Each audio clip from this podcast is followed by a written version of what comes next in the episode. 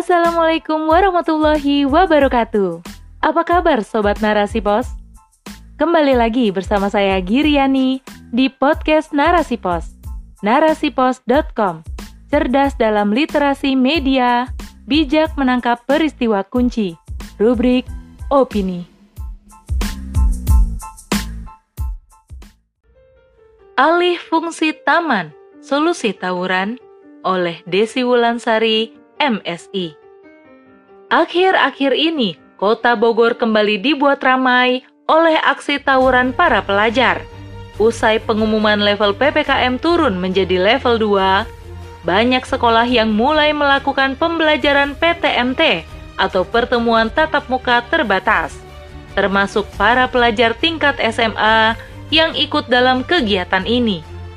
Banyaknya pelajar yang mulai pembelajaran tatap muka menandakan dimulainya juga interaksi pertemuan dan berkumpulnya sesama pelajar di taman-taman kota yang justru hanya memicu kembali tawuran pelajar yang marak di kota ini.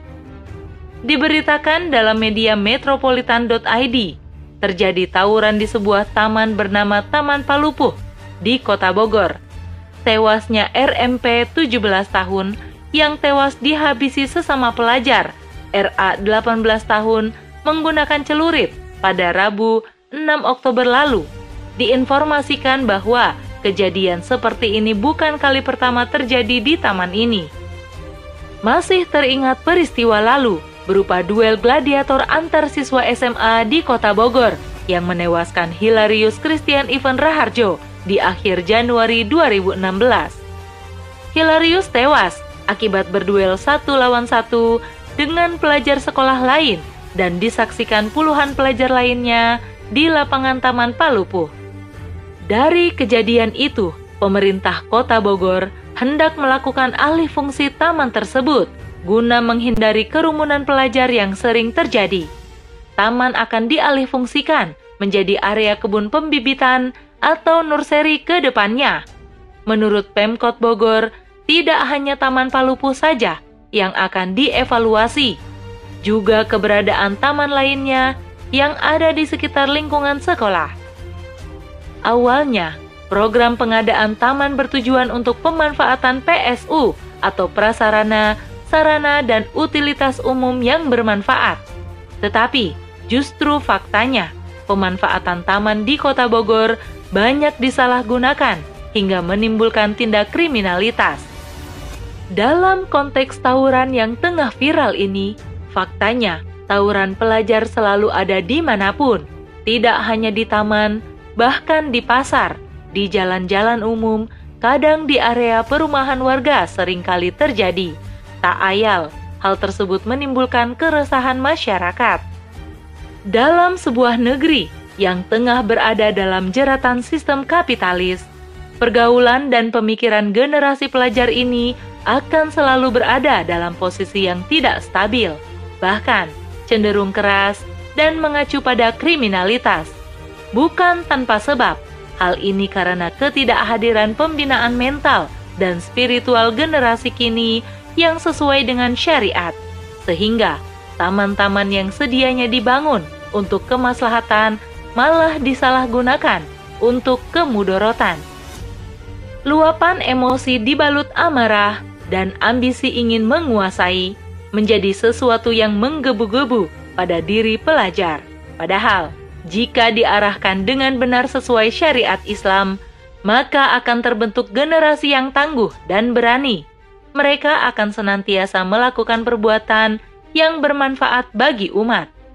Hanya saja, sistem kapitalis menyebabkan pemikiran dan solusi yang dikeluarkan melalui kebijakan hanya sebatas pada solusi sementara, yaitu mengatasi masalah sesaat, bukan mengatasi masalah hingga akarnya.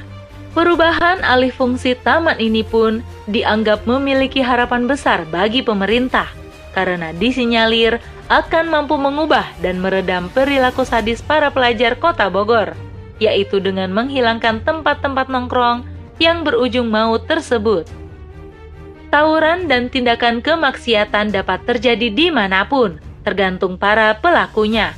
Sehingga, dalam permasalahan di atas, bukan tamannya yang perlu diubah, tetapi kadar ketakwaan individu, kondisi masyarakat, dan sistem negara yang harus dikondusifkan, sehingga permasalahan akan mampu diselesaikan hingga ke akarnya.